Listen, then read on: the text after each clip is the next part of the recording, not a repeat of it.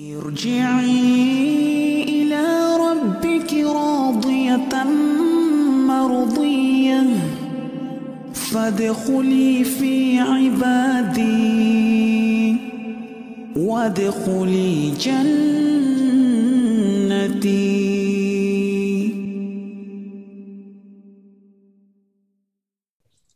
Taib, untuk mempersingkat waktu, kami persilakan Ustadz Zena, Ustadz Ariful Bahri, Hafizahullah Ta'ala, untuk memulai kajian malam ini. Tafadol, Ustadz. Bismillahirrahmanirrahim. Assalamualaikum warahmatullahi wabarakatuh. Waalaikumsalam warahmatullahi wabarakatuh. Alhamdulillahi rabbil alamin. Wassalatu wassalamu ala ashrafil anbiya wal mursalin. Wa ala alihi wa ashabihi wa man tabi'ahum bi ihsanin ila yaumiddin amma ba'd. Alhamdulillah, segala puji bagi Allah Rabbul Izzati wal Jalalah yang Allah Subhanahu wa taala masih limpahkan kepada kita taufik dan hidayah yang mana kita senantiasa bermohon kepada Allah agar Allah memberikan kepada kita istiqamah di dalam agama agar kita mudah masuk ke dalam surganya. Kemudian salawat beriringkan salam semoga tetap tercurahkan buat baginda Rasulullah sallallahu alaihi wasallam uswah dan qudwah kita bersama. Rasul yang paling sayang kepada kita sebagai umatnya. Tidak ada suatu kebaikan pun kecuali Rasulullah Sallallahu Alaihi Wasallam ajarkan, berikan motivasi kepada kita bersama, sebagaimana tidak ada kejelekan sedikit pun kecuali Rasulullah Sallallahu Alaihi Wasallam telah memberikan dan memberikan peringatan kepada kita. Allahumma salli ala Muhammad wa ala ali Muhammad kama sallaita ala Ibrahim wa ala ali Ibrahim innaka Hamidum Majid. اللهم بارك على محمد وعلى ال محمد كما باركت على ابراهيم وعلى ال ابراهيم انك حميد مجيد. Saudara kaum muslimin, kaum muslimat, ikhwani, akhwati, terkhusus kepada sahabat ilmu Darmais, Bapak Ibu, seluruh jajaran, semoga Allah Subhanahu wa taala senantiasa melimpahkan kesehatan, kesempatan, rahmat, taufik, hidayah, kemudahan kepada kita bersama dan semoga Allah senantiasa memberikan kepada kita ilmu yang bermanfaat. Kemudian dengan ilmu yang bermanfaat tersebut kita bisa mengamalkannya. Kemudian semoga amalan yang kita lakukan Allah Subhanahu wa taala menerimanya dan harapan kita bersama adalah bagaimana kita diberikan hadiah yang terindah dan tidak ada hadiah yang terindah kecuali surga Allah Subhanahu wa taala. Kita mengetahui bahwa sesungguhnya agama Islam yang Rasulullah Shallallahu Alaihi Wasallam sampaikan kepada kita mengajarkan segala sesuatu yang akan membuat keimanan kita semakin naik. Bagaimana kedekatan kita kepada Allah Subhanahu Wa Taala semakin kuat. Begitulah Allah Subhanahu Wa Taala dan begitu juga Rasulullah Shallallahu Alaihi Wasallam menganjurkan kepada kita. Dan di antara salah satu yang akan membuat hati kita ini semakin kuat, iman kita semakin naik adalah dengan berziarah kubur ziarah kubur adalah sesuatu yang disunnahkan oleh Rasulullah Sallallahu Alaihi Wasallam kepada kita. Dikala kita sudah merasa banyak gangguan, banyak hambatan, iman seolah-olah goyah, di mana kita merasa hati kita ini kurang khusyuk beribadah kepada Allah, mata kita kurang mengeluarkan air mata, di sanalah kita harus kembali kepada aturan dan anjuran Rasulullah Sallallahu Alaihi Wasallam yaitu zurul kubur fa innaha tuzakkirukumul maut. Atau di dalam riwayat yang lain zurul kubur fa innaha tuzakkirukumul akhirah. Hendaklah kalian sering-sering berziarah ke perkuburan. Bahkan mengkhususkan misalnya kapan kita memiliki waktu kita berziarah. Kenapa? Karena yang demikian akan membuat hati kalian semakin khusyuk kepada Allah. Yang demikian akan membuat keimanan kalian semakin naik yang demikian akan mendekatkan diri kalian kepada Allah dan yang demikian akan membuat kalian akan ingat yang namanya kematian dan ingat akan yang namanya kampung akhirat. Rasulullah Shallallahu Alaihi Wasallam saja yang paling kuat keimanannya, yang paling kokoh ketakwaannya, sering melakukan ziarah kubur. Bahkan di malam hari Nabi Shallallahu Alaihi Wasallam sering melakukan ziarah. Diam-diam kadang-kadang Nabi Shallallahu Alaihi Wasallam sudah berada di Baqi' Diam-diam kadang-kadang Nabi Shallallahu Alaihi Wasallam sudah berada di dekat Uhud, yang mana di sana ada yang namanya syuhada Uhud. Diam-diam Nabi Shallallahu Alaihi Wasallam sudah berada di perkuburan ini. Sering Nabi Shallallahu Alaihi Wasallam melakukan ziarah. Padahal Nabi sudah kuat keimanannya, kokoh ketakwaannya. Sering Nabi meneteskan air mata. Namun Nabi menganjurkan kepada kita apa yang semestinya kita lakukan sebagai seorang umat yang mengikuti junjungan kita bersama Rasulullah Sallallahu Alaihi Wasallam untuk memperkuat keimanan, keyakinan, ketakwaan kita kepada Allah Subhanahu Wa Taala. Dan di antara salah satunya adalah zurul kubur, yaitu hendaklah kalian berziarah kubur. Sehingga ziarah kubur merupakan sesuatu yang dianjurkan bagi kita untuk melaksanakannya. Yang mana kita yang berziarah akan mendapatkan manfaat dan mereka yang diziarahi juga akan mendapatkan manfaat sebagaimana seluruh kaum muslimin yang ada di sana juga akan mendapatkan manfaat dan semoga Allah Subhanahu wa taala menjaga kita dan memberikan manfaat di dunia dan di akhirat. Saudara kaum muslimin, Bapak Ibu rahimani wa rahimakumullah. Sekarang kita akan melanjutkan pembahasan kita yaitu pembahasan tentang kubur itu sendiri. Sebagaimana telah kita memaparkan sebelumnya yaitu pemaparan yang dibawakan oleh Imam Al-Muzani tentang masalah kubur dan kita akan sedikit membacakan hadis-hadis yang berkaitan dengannya atau dalil-dalil yang berkaitan dengan kubur tersebut dan ini merupakan nasihat untuk kami pribadi dan juga nasihat untuk kita semua Semoga dengan yang demikian iman kita semakin naik, ketaatan kita semakin kokoh, ketakwaan kita semakin bertambah, dan ibadah kita semakin khusyuk kepada Allah Subhanahu wa taala. Kemudian Imam Al-Muzani rahimahullahu taala menyebutkan tentang masalah perkuburan atau alam kubur. Summahum ba'da dhawti summahum ba'da dhawtah ad-dhawtah ad-dawtati fil quburi musa'alun. Thumma hum ba'da ad-dawtati ad-dawtati fil quburi musa'alun artinya summa kemudian hum mereka yaitu semua manusia ba'da dawtah dawtah itu artinya tekanan himpitan. Itu artinya dautah. Fil kuburi, di dalam kubur, musa'alun, mereka akan ditanya. Sebagaimana biasa, ikhwatal Islam, Bapak Ibu, rahimani wa rahimakumullah, sebelum kita melanjutkan mensyarah, menyebutkan sedikit tentang dalil-dalil yang berkaitan dengan perkuburan, maka kami persilahkan kalau Anda, kalau ada di antara Bapak Ibu yang ingin mencoba membacanya kalimat yang hanya beberapa kata saja, kami persilahkan barakallahu fikum wa jazakumullahu khairan. Taufik barakallah. Uh, baik, mungkin dari panitia bisa ditampilkan uh, naskahnya.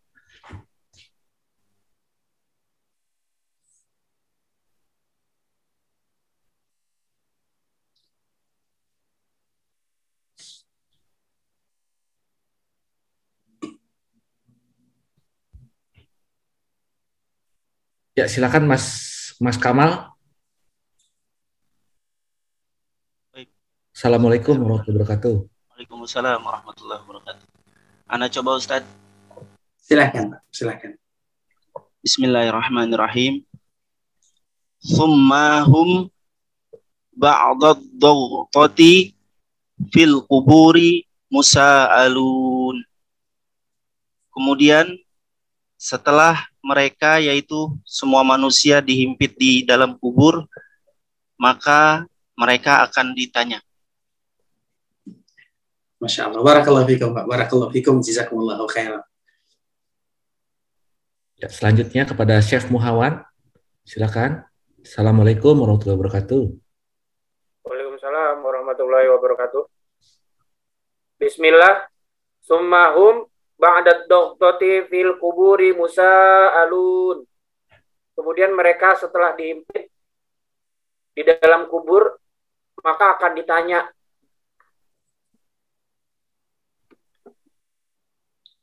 Masya Allah, barakallahu fikum.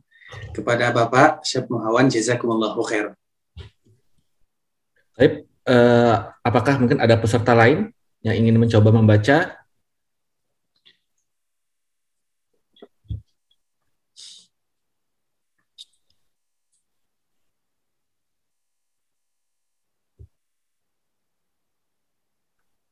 Ya, mungkin kita langsung saja Ustadz. Barakallahu fikum, Bapak Ibu rahimani wa rahimakumullah. Sekarang kita akan sedikit menyebutkan tentang masalah perkuburan yang mana perkuburan atau yang kita kenal dengan yang namanya alam barzakh. Alam barzakh, kenapa disebut dengan alam barzakh? Barzakh itu artinya adalah pemisah. Yang mana dia bukanlah kehidupan dunia dan dia juga bukan kehidupan akhirat namun pemisah antara dunia dengan akhirat sehingga disebut dengan barzakh yaitu yang memisahkan kehidupan kita. Yang itu merupakan langkah pertama kita akan menuju ke akhirat namun itu bukan kampung akhirat. Sehingga disebut dengan al-barzakh dan kebanyakannya tentunya orang dikuburkan. Karena memang ada orang yang meninggal namun tidak dikuburkan. Namun itu hanya sedikit saja. Sehingga pengarang ataupun kita menyaksikan bahwa kebanyakan dan secara umum ketika manusia meninggal maka mereka dikuburkan. Sebelumnya telah kita jelaskan bagaimana kematian seseorang. Nah, sekarang pada pembahasan ini dan pertemuan ini adalah ketika seseorang sudah meninggal. Ketika seseorang meninggal, maka mereka akan dikuburkan. Bagaimanapun orang tersebut, bahkan manusia yang termulia saja, Rasulullah Shallallahu Alaihi Wasallam pun dikuburkan karena kita berasal dari tanah dan dikembalikan kepada tanah ketika kita dikuburkan yang dibuat lahat karena Rasulullah sallallahu alaihi wasallam menyebutkan al-lahdu lana wasyaqqu ghairina. Sesungguhnya lahat itu adalah untuk kita kaum muslimin. Sedangkan yang selainnya asyaqqu yaitu yang ada di bawah itu bukan untuk kita. Sehingga kita disebut dengan lahat. Thumma hum baghdad kemudian ketika mereka dihimpit dan itu merupakan fitnah yang pertama.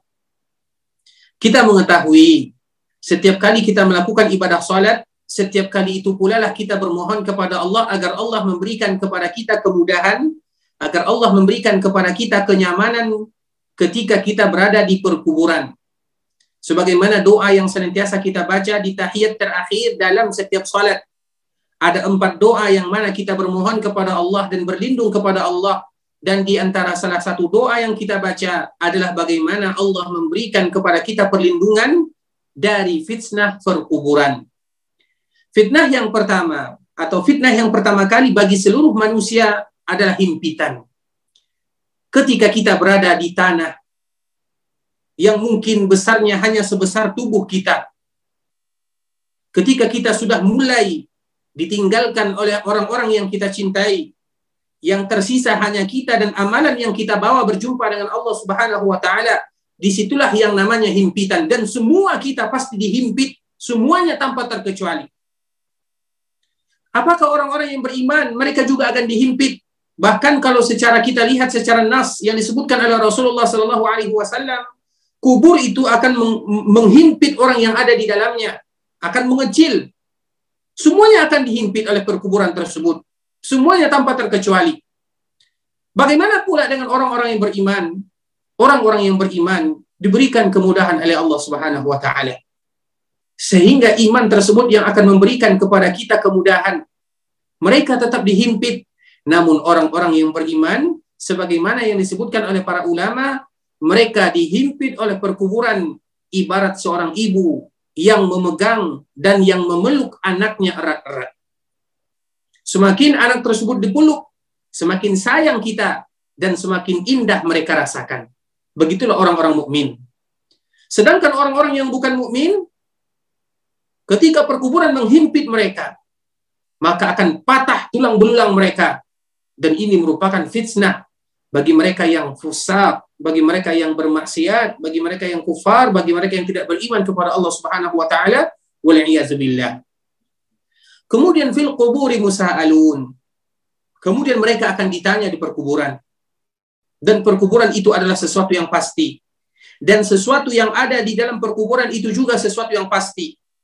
Tidak ada yang namanya pengingkaran terhadap perkuburan, baik itu nikmatnya ataupun azabnya, kecuali mereka-mereka yang menyimpang dari akidah ahlus sunnah wal jamaah. Karena Al-Quran dengan jelas menyebutkan, Rasulullah Shallallahu Alaihi Wasallam menyebutkan hadis-hadis yang sangat banyak Betapa seorang mukmin ketika mereka dimasukkan ke kuburan, kalau seandainya mereka beriman akan mendapatkan nikmat, kalau seandainya mereka kufur kepada Allah, atau tidak mau melaksanakan perintah Allah, maka mereka akan mendapatkan azab.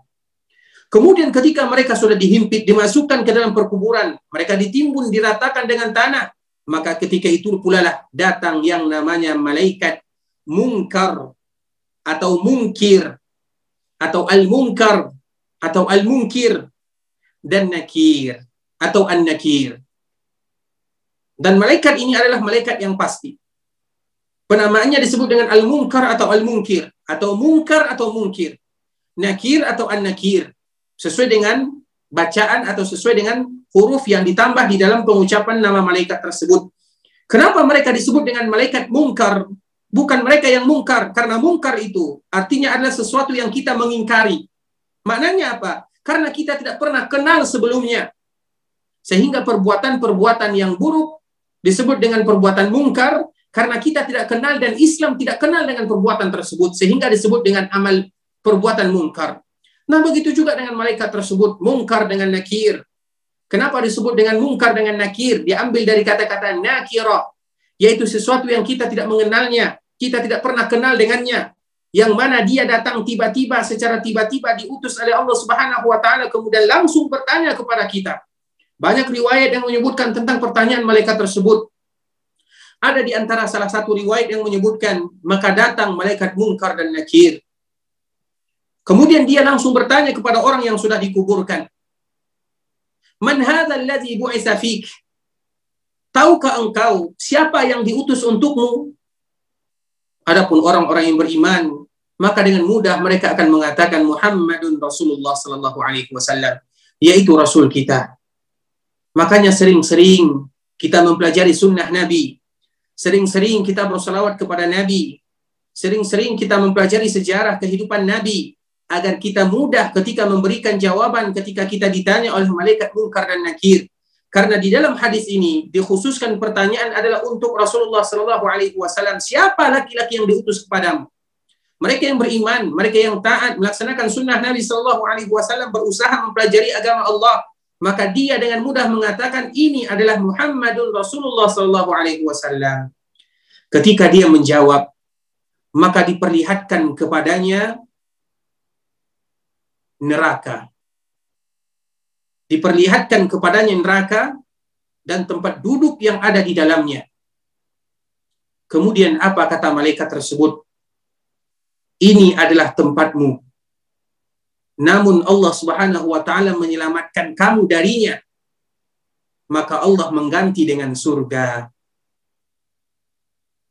Kenapa demikian? Kenapa harus diperlihatkan dulu kepadanya neraka? Supaya dia semakin bersyukur kepada Allah Subhanahu wa taala. Ternyata ibadah yang selama ini dia lakukan memberikan manfaat kepadanya dan menemani dirinya di dalam perkuburan. Adapun orang-orang yang fasik, orang-orang yang munafik, Adapun orang-orang yang kufar, maka mereka akan ditanya, "Man hadzal ladzi bu'itsa fikum?" Siapa laki-laki yang diutus kepada kalian?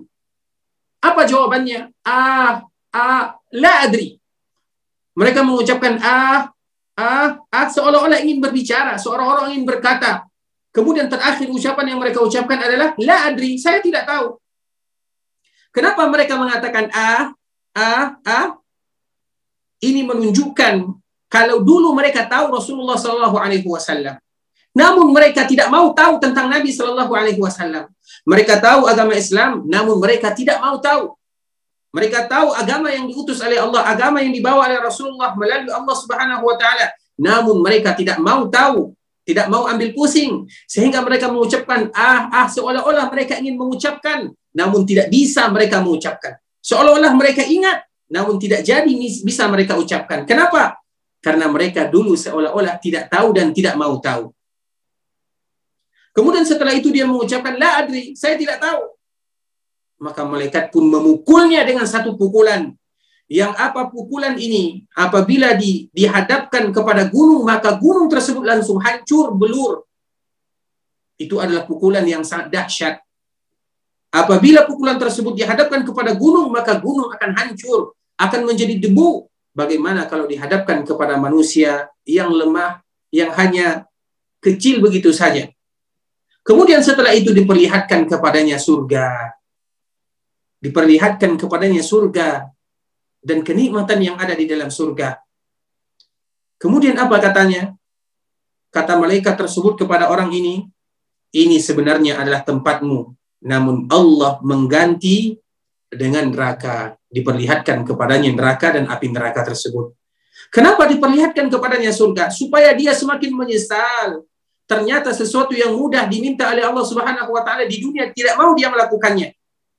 Sebenarnya surga ada tempatnya, namun tidak jadi diberikan kepadanya dan itu adalah bentuk penyesalan yang paling kuat. Maka dia pun mengatakan, Ya Rabbi la tuqimis sa'ah. Ya Allah, jangan jadikan hari kiamat. Ya Allah, jangan jadi, jadi jadikan hari kiamat. Kenapa mereka meminta seperti itu? Karena mereka tahu kalau seandainya di perkuburan saja begini dahsyatnya, apalagi nanti di hari kiamat kelak. Kemudian di dalam riwayat yang lain disebutkan pertanyaan yang akan ditanyakan kepada hamba Allah Subhanahu wa taala yaitu tiga perkara. Dan tiga perkara inilah kita harus fokus di sana. Bagaimana kita belajar tentangnya? Yang pertama adalah marrabbuk. Siapa Rabb kamu? Yang kedua adalah wa madinuk. Apa agamamu? Dan yang ketiga adalah waman nabiyuk, siapa nabimu? Ini merupakan pertanyaan yang akan ditanya. Yang mana Rasulullah Shallallahu Alaihi Wasallam ketika datang menguburkan sahabatnya maka Nabi Shallallahu Alaihi Wasallam mengucapkan dan berkata kepada teman-teman yang ada is'alu li akhikum tasbit hendaklah kalian bermohon kepada Allah Subhanahu wa taala agar Allah Subhanahu wa taala memberikan ketetapan ketegaran kepada sahabat kalian. Fa innahul ana yus'al. Karena sekarang dia sedang ditanya oleh malaikat kata Rasulullah sallallahu alaihi wasallam kepada para sahabatnya. Dan kita tahu sahabat Nabi sallallahu alaihi wasallam adalah orang yang diridai oleh Allah Subhanahu wa taala mereka yang berjumpa dengan Nabi, mereka yang menolong Nabi, mereka yang berjihad bersama Nabi, mereka yang mengeluarkan, mengorbankan harta, jiwa, raganya untuk Nabi dan untuk agama Nabi Shallallahu Alaihi Wasallam. Namun Nabi Shallallahu Alaihi Wasallam masih mengatakan kepada mereka, is'alu li akhikum, mintalah kepada Allah untuk saudara kalian agar dia diberikan kekuatan mendapatkan jawaban. Marrabbuk, wa madinuk, wa man nabiyuk. Itu Rasulullah Shallallahu Alaihi Wasallam bermohon kepada sahabatnya. Bagaimana dengan kita yang tidak ada jaminan? Para sahabat disebutkan oleh Allah radhiyallahu anhum. Allah ridho kepada mereka dan Allah tidak mungkin ridho kecuali kepada orang yang Allah sukai.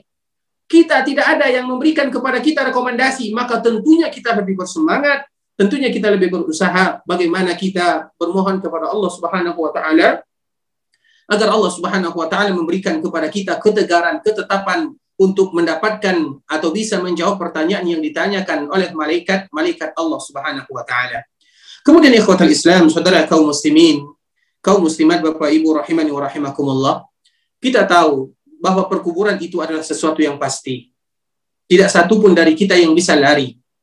Pasti kita akan masuk ke perkuburan dan pasti kita akan ditanya oleh malaikat munkar dan nakir dan pasti kita akan mendapatkan nikmat atau mendapatkan azab. Semoga Allah Subhanahu wa taala melindungi kita dari azab perkuburan dan dari fitnah perkuburan tersebut. Dan dalil-dalil yang mengatakan tentang fitnah perkuburan sangat banyak. Mereka yang beriman kepada Allah Subhanahu wa taala akan merasakan kenikmatan yang sangat indah. Dibentangkan kepada mereka surga. Ada yang menyebutkan dibentangkan kepada mereka pohon-pohon surga. Ruh mereka dibawa oleh burung-burung berterbangan di dalam surga, sedangkan jasad mereka ada di dunia.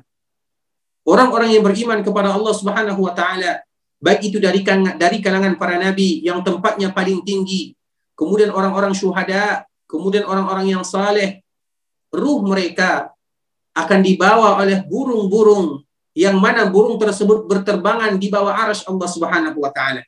Orang-orang mukmin yang saleh, burung mereka hinggap di burung atau ruh mereka hinggap di burung yang mana burung tersebut berkeliaran dan ada di pohon-pohon yang ada di dalam surga. Itulah orang-orang mukmin mendapatkan keindahan yang sangat indah, mendapatkan wangi yang begitu harum, mendapatkan kenikmatan belum surga namun baru dibentangkan kepada mereka surga. Diperlihatkan kepada mereka surga. Mereka ibarat pengantin yang tidur, yang tidak merasakan panjangnya malam, sehingga mereka senantiasa tidur dan tanpa mereka sadari ternyata kiamat sudah terjadi. Itulah orang-orang mukmin. Mereka berada di dalam kemudahan. Mereka berada di dalam kenikmatan.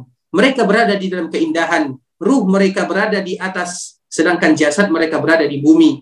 Ruh mereka berkeliaran. Ruh mereka dibawa oleh burung. Yang mana burung tersebut senantiasa berkeliaran di dalam surga, di bawah arash Allah subhanahu wa ta'ala. Sedangkan mereka-mereka yang tidak beriman kepada Allah Subhanahu wa taala, maka ruh mereka tidak akan pernah naik ke atas. Mereka disiksa, jasadnya, ruhnya disiksa oleh Allah Subhanahu wa taala. Dan di antara hadis yang kita sebutkan pada kesempatan kali ini adalah hadis yang berkaitan tentang azab perkuburan, hadis yang sangat panjang sekali yang mana semoga Allah Subhanahu wa taala menyelamatkan kita. Kalau seandainya kita ada di antara salah satunya, semoga Allah Subhanahu wa taala membukakan pintu taubat kepada kita bersama hadis yang diriwayatkan oleh Imam Al-Bukhari dari Samurah bin Jundub radhiyallahu taala anhu. Hadis ini merupakan hadis yang sangat panjang. Rasulullah Shallallahu alaihi wasallam senantiasa bercerita dengan para sahabatnya, bahkan sering Nabi Shallallahu alaihi wasallam bertanya kepada para sahabatnya, "Man minkum ru'ya?" Siapa di antara kalian yang melihat mimpi? Kalau seandainya ada di antara para sahabat yang melihat mimpi, maka mereka sebutkan kepada Rasulullah Shallallahu alaihi wasallam. Kemudian pada suatu hari, Rasulullah Shallallahu Alaihi Wasallam duduk bersama para sahabatnya kembali bertanya, "Man ro'a minkum ru'ya?" Siapa di antara di antara kalian yang melihat mimpi? Maka Rasulullah Shallallahu Alaihi Wasallam mengatakan, ketika tidak ada sahabat yang mengangkat tangan atau tidak ada sahabat yang melihat mimpi tersebut, maka Nabi mulai mengatakan, "Atanil lailah atian." Ada orang yang datang kepadaku, dua orang. Kemudian ketika dia datang, maka dia langsung menggenggamku dan membawaku. Intalik, ya Muhammad intalik. Ay Muhammad, ayo kita berangkat. Ketika dia berangkat, membawa Rasulullah Shallallahu Alaihi Wasallam dan ini adalah kisah yang Nabi kisahkan melalui mimpinya dan semua ini adalah sesuatu yang terjadi di perkuburan. Semua ini terjadi di perkuburan atau di alam barzakh, belum di akhirat, namun semua ini adalah kejadian yang terjadi di alam barzakh. Ketika dua malaikat ini membawa Rasulullah Shallallahu Alaihi Wasallam, kemudian di tengah perjalanan Rasulullah Shallallahu Alaihi Wasallam melihat keanehan. Keanehan yang pertama, apa yang dilihat oleh Rasulullah Shallallahu Alaihi Wasallam? Rasul melihat ada dua orang, yang satu sedang berbaring, yang satu sedang berdiri, dan yang berdiri ini mengambil batu besar, yang mana batu besar ini dipukulkan di kepala orang yang sedang berbaring sampai kepalanya pecah dan batu tersebut menggelinding ke sana ke sini. Kemudian setelah demikian kejadiannya, maka kepala orang tersebut kembali pulih. Dan orang yang berdiri tersebut kembali mengambil batunya, kemudian memukulkan lagi batu tersebut sampai kepala orang tersebut pecah. Maka Nabi Shallallahu Alaihi Wasallam bertanya kepada Jibril atau kepada malaikat tersebut, Subhanallah mahazan. Subhanallah apa yang mereka lakukan? Maka apa dua kata malaikat tersebut? Intalik, intalik. Berangkat kamu wahai Muhammad, berangkat. Jangan bertanya. Kata dua malaikat tersebut. Kemudian akhirnya Nabi pun berangkat. Setelah beberapa saat, maka Nabi melihat ada orang lagi yang sedang duduk. Yang satunya sedang duduk dan yang satunya sedang berdiri dan merobek mulut orang yang tadi sedang duduk diambil sebelah kanan dengan alat yang sangat tajam, dirobek mulutnya sebelah kanan. Kemudian diambil lagi, dirobek lagi mulutnya sebelah kiri. Sehingga Nabi kembali bertanya, Subhanallah mahazan. Subhanallah, apa yang mereka lakukan? Maka apa jawaban mereka tersebut? Intalik, intalik. Berangkat kamu wahai Muhammad, berangkat. Jangan diperdulikan. Kemudian Nabi pun berangkat. Dibawa oleh dua malaikat. Kemudian melihat mereka yang ada di tanur. Tanur itu adalah sebuah wadah. Di bawahnya kecil, di, di bawahnya besar, di atasnya kecil. Yang mana di bawah wadah tersebut ada api yang sangat besar. Di dalamnya ada laki-laki. Di dalamnya ada wanita yang tidak berpakaian, laki-laki yang tidak berpakaian. Kemudian setiap kali mereka naik, mereka terjatuh. Setiap kali mereka naik, mereka terjatuh. Mereka berteriak dengan suara yang paling kuat mereka minta tolong, mereka minta ini, mereka minta itu, api yang sangat berat besar di bawahnya. Namun mereka tidak bisa keluar dari tanur tersebut. Maka Nabi kembali bertanya, Mahaza subhanallah, mahaza. Maha suci Allah, apakah ini? Dan apa yang mereka lakukan? Maka Nabi pun dikatakan oleh malaikat, intalik, intalik. Berangkat kamu, wahai Muhammad. Berangkat kamu, wahai Muhammad. Kemudian selanjutnya, ketika Nabi Shallallahu Alaihi Wasallam berangkat pun, maka Nabi melihat ada dua orang. Yang pertama, orang yang sedang berenang di sebuah sungai, namun sungai bukan sungai biasa. Sungai dia berenang tersebut adalah sungai darah. Ketika dia berenang dan sampai ke pinggir sungai, ada satu orang yang lagi sedang menunggu. Yang dia membawa batu. Kemudian batu tersebut dimasukkan ke dalam mulut orang yang berenang tersebut. Yang mana menyebabkan kerusakan di dalam tubuhnya. Kemudian setelah batu itu dimasukkan, dia kembali berenang. Dan Nabi Shallallahu Alaihi Wasallam heran dan kembali bertanya, Subhanallah mahazan, maha suci Allah, apa yang mereka lakukan? Maka malaikat kembali mengatakan kepada Rasulullah Shallallahu Alaihi Wasallam, intalik intalik, berangkat wahai Muhammad, berangkat wahai Muhammad. Kemudian akhirnya Rasulullah Wasallam melihat ada sosok seseorang yang dia tidak tersenyum. Kemudian juga Nabi Shallallahu Alaihi Wasallam melihat ada orang yang sangat tinggi yang mana Nabi Shallallahu Alaihi Wasallam saking tingginya orang tersebut tidak bisa melihat kepalanya. Kemudian Rasulullah Shallallahu Alaihi Wasallam melihat orang-orang atau anak-anak yang ada di sekitar orang yang tinggi tersebut. Kemudian setelah berlalu, Rasulullah Shallallahu Alaihi Wasallam penasaran akan apa yang Nabi lihat. Rasulullah Shallallahu Alaihi Wasallam bertanya-tanya apa yang terjadi dan itu adalah untuk umat Rasulullah Shallallahu Alaihi Wasallam. Dan kejadian ini adalah kejadian yang akan diberikan kepada mereka dan status mereka masih berada di dalam alam barzakh belum lagi di akhirat. Ini masih di perkuburan ini masih azab perkuburan yang diberikan kepada sebahagian umat Rasulullah Shallallahu Alaihi Wasallam yang melakukan kemaksiatan. Dari sini jelaslah bagi kita bahwa sesungguhnya perkuburan nikmat perkuburan azab perkuburan adalah sesuatu yang pasti adapun orang yang pertama yang dilihat oleh Rasulullah Shallallahu Alaihi Wasallam yang satunya berbaring yang satunya berdiri yang berdiri ini ada batu besar di tangannya menghempaskan batu tersebut, memukulkan batu tersebut kepada orang yang sedang berbaring ini sehingga kepalanya pecah. Siapa dia? Dia adalah umat Rasulullah Sallallahu Alaihi Wasallam yang dia tahu Al-Quran, dia membaca Al-Quran, namun dia lalaikan. Dia adalah umat Rasulullah Sallallahu Alaihi Wasallam yang tahu mengetahui tentang salat, namun dia tinggalkan, dia lalaikan sehingga nanti mereka ketika mereka melalaikan Al-Qur'an, semoga Allah Subhanahu wa taala melindungi kita bersama. Ketika mereka melalaikan Al-Qur'an, ketika mereka melalaikan ibadah salat, maka di perkuburan beginilah azab yang akan mereka rasakan. Dipukulkan oleh malaikat Allah Subhanahu wa taala batu besar ke kepalanya, hancur lebur kepalanya. Kemudian nanti kembali lagi, kemudian dipukul lagi. Sampai kapan terjadi yang demikian? Sampai terjadinya hari kiamat. Kemudian yang kedua, yang dilihat oleh Rasulullah Wasallam, seorang laki-laki yang sedang duduk, yang sedang bersandar. Kemudian ada orang yang merobek mulutnya yang bagian kanan sampai dirobek sebesar-besarnya. Kemudian diulang lagi yang dari sebelah kiri sampai robek mulutnya. Siapa mereka? Mereka itu adalah mereka yang berkata bohong sehingga kebohongan mereka itu tersebar luas dan tidaklah kita lihat kecuali di zaman kita sekarang ini. Di mana ketika kita mudah menyampaikan berita, namun banyak di antara kaum muslimin menyebarkan berita-berita dusta dan itu adalah sebuah kebohongan yang nyata yang mana azabnya sebagaimana disebutkan oleh Rasulullah SAW dirobek mulutnya oleh malaikat-malaikat yang bertugas yang ditugaskan oleh Allah Subhanahu wa taala. Nauzubillah. Kemudian mereka yang ketiga yang dilihat oleh Rasulullah Sallallahu Alaihi Wasallam adalah mereka yang melakukan zina, mereka yang melakukan perzinahan, mereka akan berada di dalam sebuah wadah, di bawahnya ada api, yang mana tanur atau wadah tersebut di bawahnya besar, di atasnya kecil. Kenapa di atasnya kecil? Mereka tidak akan pernah bisa keluar dari wadah tersebut. Mereka dibakar di oleh Allah Subhanahu wa taala, mereka dibakar, dibakar, dibakar. Kenapa? karena dulu mereka melakukan perbuatan zina. Nauzubillah. Kemudian siapa lagi yang dilihat oleh Rasulullah Sallallahu Alaihi Wasallam? Rasul melihat ada orang yang berenang di sungai darah. Siapa mereka yang berenang di sungai darah? Yang ketika dia sampai di pinggiran sungai, dia memakan batu, kemudian batu tersebut menghancurkan tubuhnya. Mereka adalah akilur riba.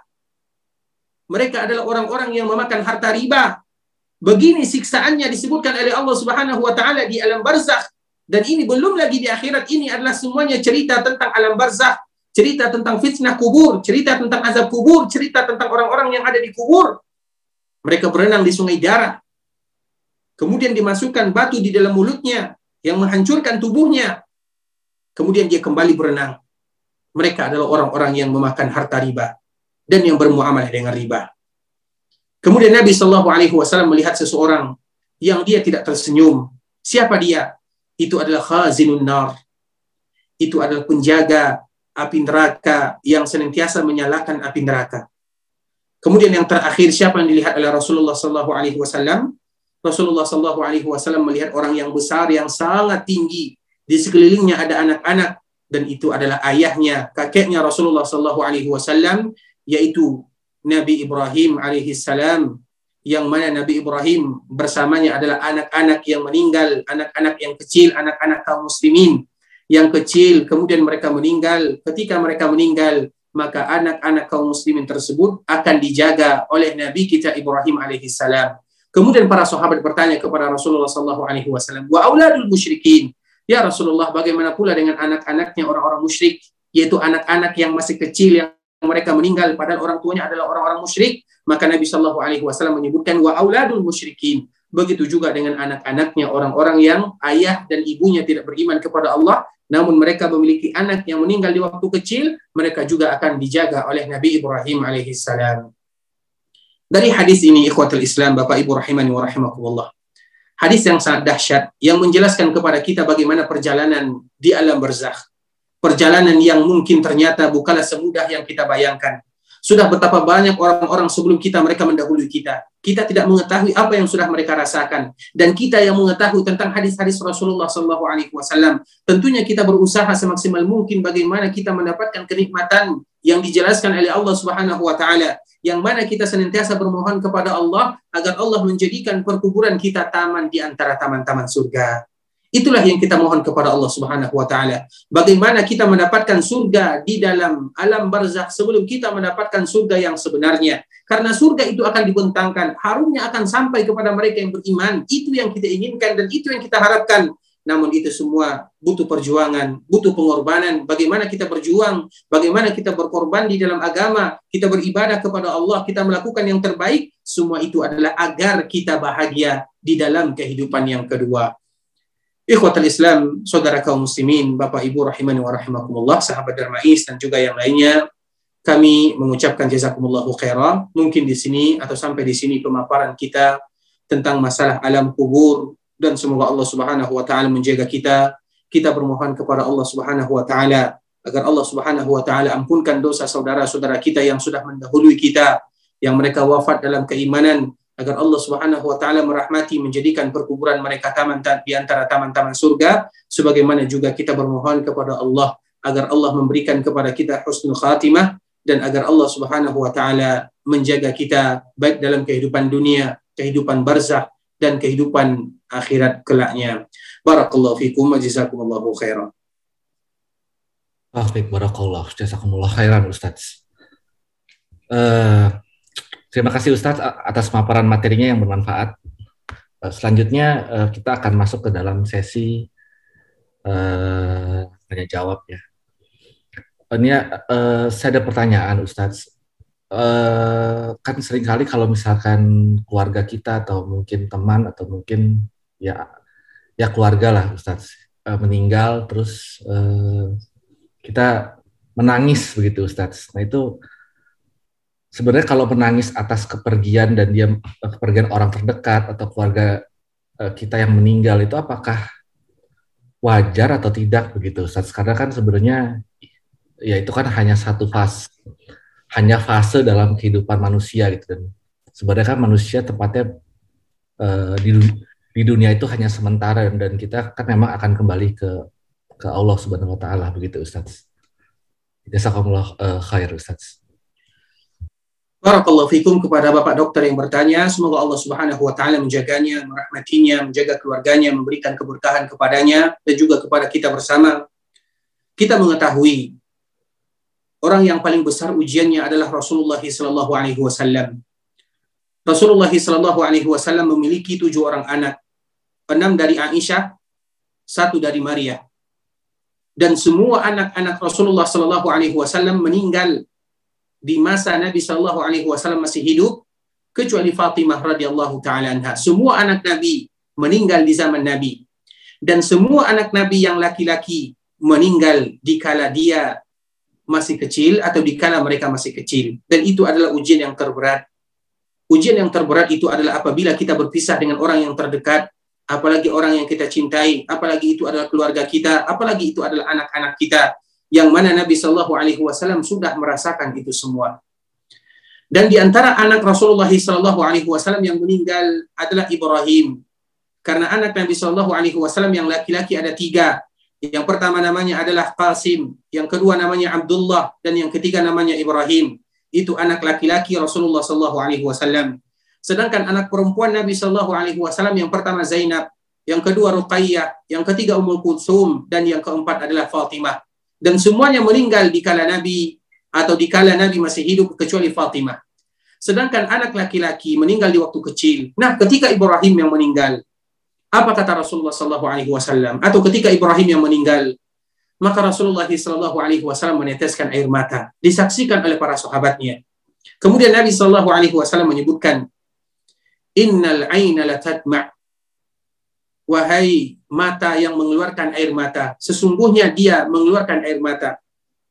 Wahai hati yang bersedih, wa inna li firakika ya Ibrahim lamahzunun. Dan kami merasa sedih dengan kehilangan dirimu, wahai Ibrahim. Karena Ibrahim, anaknya Nabi meninggal di kota Madinah. Maknanya apa? Rasulullah Wasallam meneteskan air mata. Rasulullah Wasallam adalah uswah dan kudwah bagi kita bersama.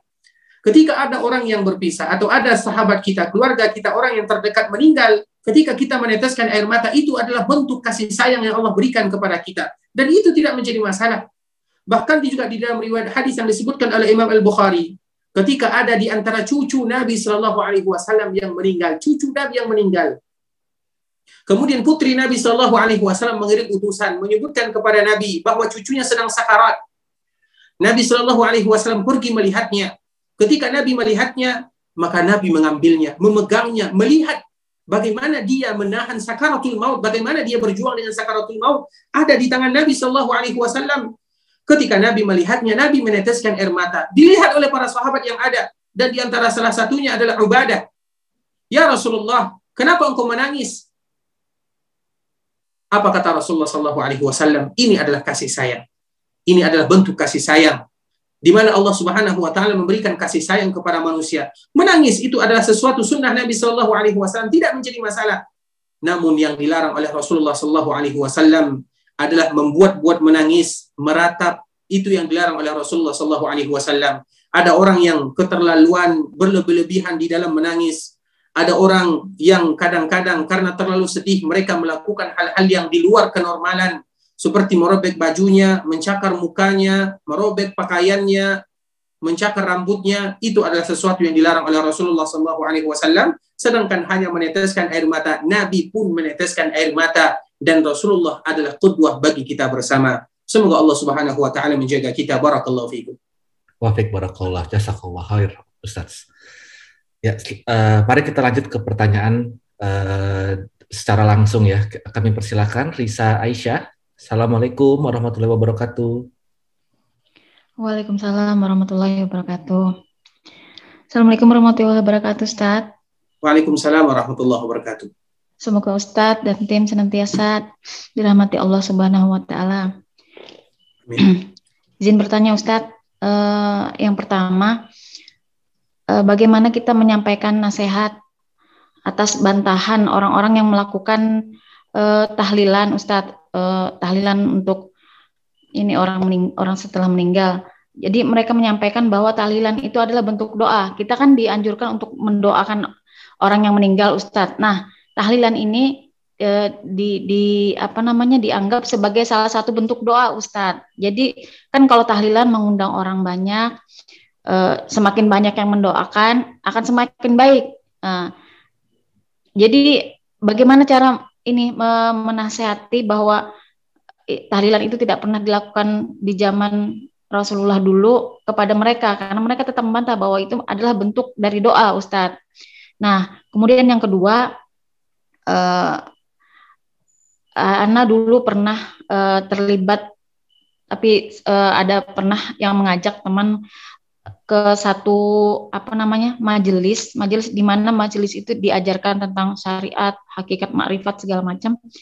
Uh, yang mana uh, di situ disampaikan bahwa ilmu yang di, ada di majelis itu adalah ilmu ilmu inti Ustadz. Jadi uh, waktu itu yang yang apa namanya si guru ini adalah mengaku sebagai ahlul bait begitu Ustadz jadi ada diajarkan zikir, zikir hu, hu, hu begitu saja Ustadz. Kemudian sholat cukup dengan mengingat, dengan mengingat duduk, mengingat tidak perlu dengan sujud, ruku segala macam itu Ustadz.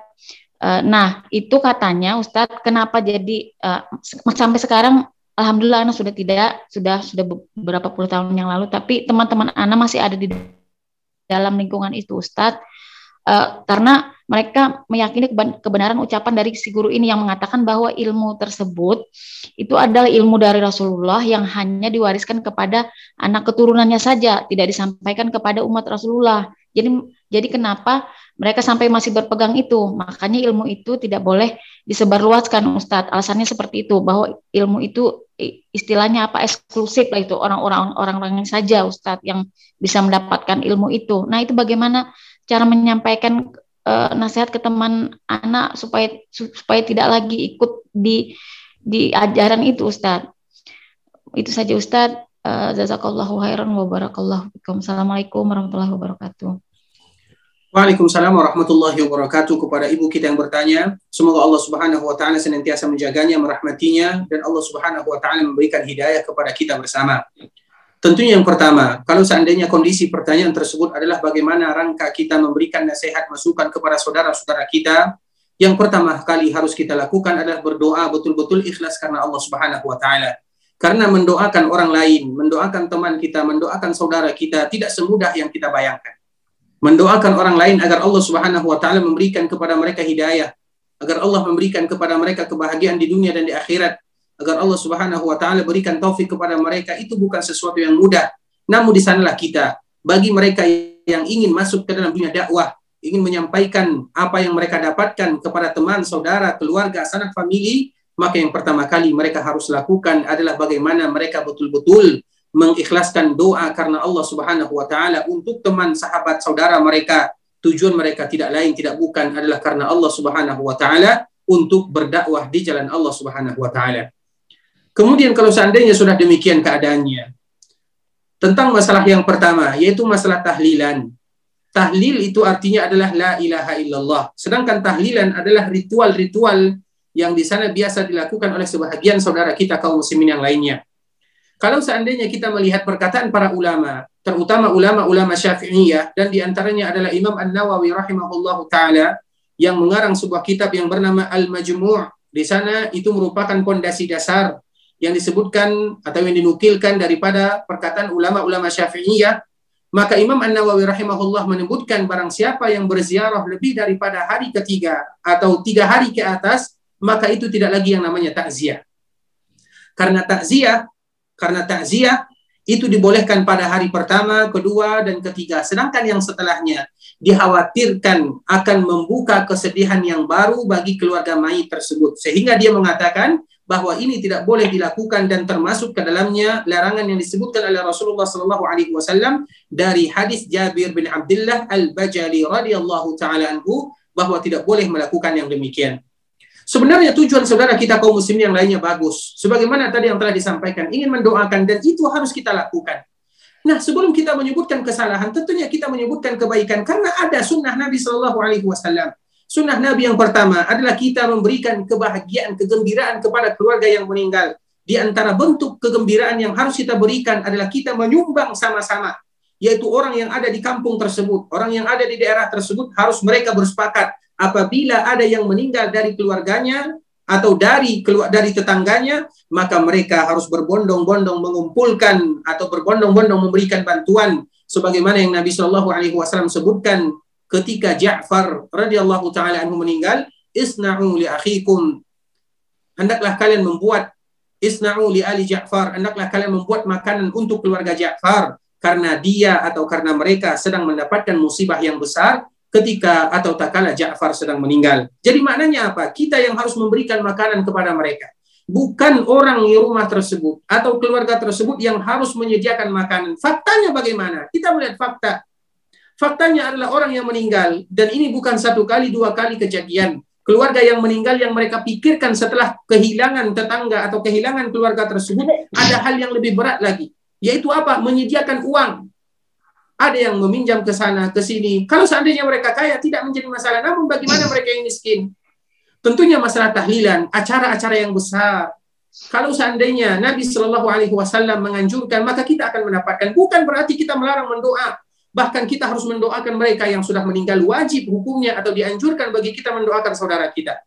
Kemudian yang lebih lagi daripada itu semua, yang lebih lagi daripada itu semua, sebenarnya masalah ini sudah diberikan fatwa oleh ulama terutama ulama-ulama terdahulu sekitar tahun 1931 Hijriah yaitu ketika ada namanya Mu'tamar Mu'tamar Nahdlatul Ulama, ulama-ulama sebelum hampir satu abad lamanya, sebelum kemerdekaan negara kita yang tercinta Indonesia.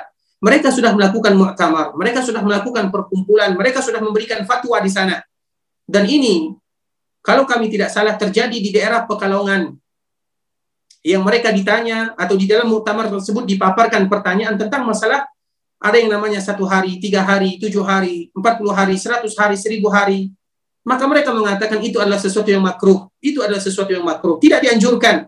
Karena makruh itu di dalam perkataan para ulama, sebagaimana yang disebutkan oleh Imam Ash-Shatibi rahimahullah, dan juga disebutkan oleh Imam Ibn Qayyim rahimahullah, apabila para ulama menyebutkan itu adalah makruh, maka itu lebih dekat kepada yang namanya keharaman. Dan itu adalah keedah. Dan ini juga keedah yang disebutkan oleh ulama-ulama fikih, baik dari kalangan syafi'iyah, ataupun dari kalangan malikiyah, ataupun dari kalangan-kalangan ulama yang lainnya. Kalau seandainya para ulama, terutama ulama Nusantara, ulama yang ada di daerah kita sudah memberikan fatwa, maka kita tinggal melihat. Bukan berarti kita tidak mendoakan, kita doakan. Bahkan kalau perlu kita membaca, misalnya kita melakukan kebaikan, kemudian kita kirimkan. Sebenarnya perselisihannya sedikit saja. Perselisihannya sedikit saja. Apa perselisihannya? Bukan berarti kita tidak mendoakan, bahkan dianjurkan bagi kita setiap kali kita melakukan ibadah, kita bertawasul kepada Allah Subhanahu wa taala agar ibadah atau Allah menerima ibadah kita dan agar Allah mengampuni dosa saudara kita yang sudah mendahului kita. Namun bagaimanapun, kalau seandainya dalam rangka dakwah sudah kita sampaikan sedemikian rupa, maka dakwah yang terbaik adalah dengan doa kepada Allah, kemudian dengan perbuatan kita, muamalah kita, kemudian sedikit menyampaikan. Bukan berarti tidak boleh, namun caranya saja yang harus berbeda sedikit. Caranya yang harus dirubah sedikit sehingga kita kembali kepada sunnah Rasulullah Wasallam. Kemudian begitu juga untuk pertanyaan yang kedua. Pertanyaan yang kedua adalah berkaitan dengan zikir khusus. Kita tahu agama yang paling transparan tidak ada kekhususan ini khusus untuk ini ini khusus untuk ini tidak ada yang namanya istilah demikian kecuali agama Islam yang semua kita sama rata. Betul ada ilmu yang belum bisa dipelajari. Namun bukan berarti tidak bisa dipelajari. Betul demikian. Namun tidak ada namanya ilmu khusus, ini khusus untuk ini, ini khusus untuk ini, ini khusus untuk itu. Mereka yang mengatakan ini khusus untuk kami ilmunya, berarti itu adalah sebuah kedustaan sebagaimana yang disebutkan oleh Umar bin Abdul Aziz. Rahimahullahu ta'ala. Umar bin Abdul Aziz menyebutkan apabila ada sebahagian orang mereka melakukan keperkumpulan yang mana mereka perkumpulan tersebut mengatakan ini khusus untuk kami, maka ketahuilah itu adalah bentuk keluar dari syariat Allah Subhanahu wa taala dan ajaran Rasulullah sallallahu alaihi wasallam. Rasulullah sallallahu alaihi wasallam sudah jelas dan tegas menyimpus menyampaikan hal ballagtu. Apakah aku sudah sampaikan kepada kalian semuanya? Kita kemanakan firman Allah Subhanahu wa taala al-yauma akmaltu lakum dinakum wa atmamtu alaikum ni'mati wa raditu lakum al-islam dina. Kita kemanakan firman Allah Subhanahu wa taala? Kita kemanakan hadis-hadis Rasulullah sallallahu alaihi wasallam adal amanah wa ballagha risalah wa nasaha al-ummah wajahada fi fi sabilillahi haqqa jihadi. Kita kemanakan itu semua? Tidak ada yang namanya ilmu khusus, ilmu umum tidak ada. Semuanya sama. Semuanya sama. Terutama bagi mereka yang mengatakan kami keluarga Rasulullah Shallallahu Alaihi Wasallam. Keluarga Nabi Shallallahu Alaihi Wasallam adalah sebuah kemuliaan. Namun kemuliaan yang lebih mulia daripada itu adalah bagaimana mengikuti Rasulullah Shallallahu Alaihi Wasallam. Itu yang paling mulia. Karena mereka yang paling dekat dengan Nabi Shallallahu Alaihi Wasallam adalah mereka yang bertakwa, beramal, beribadah. Nabi Shallallahu Alaihi Wasallam sendiri yang menyebutkan sebagaimana yang dinukilkan oleh Imam An Nawawi di dalam kitab Riyadul, di dalam kitab Al Arba'in An Nawawiyah. Sesungguhnya nasab kalian, Kalau kalian tidak melakukan amalan, tidak akan bisa mengangkat derajat kalian. Tapi kalau nasab sampai kepada Nabi, amalan yang mulia dilakukan sesuai dengan sunnah Nabi, maka terkumpullah kepada mereka dua kebaikan. Sedangkan kalau seandainya nasab saja bahkan menyelisihi tentang Nabi Shallallahu Alaihi Wasallam maka itulah tidak ada. Banyak orang yang nasabnya sampai kepada Rasulullah Shallallahu Alaihi Wasallam, namun mereka melakukan perkara-perkara yang berbahaya.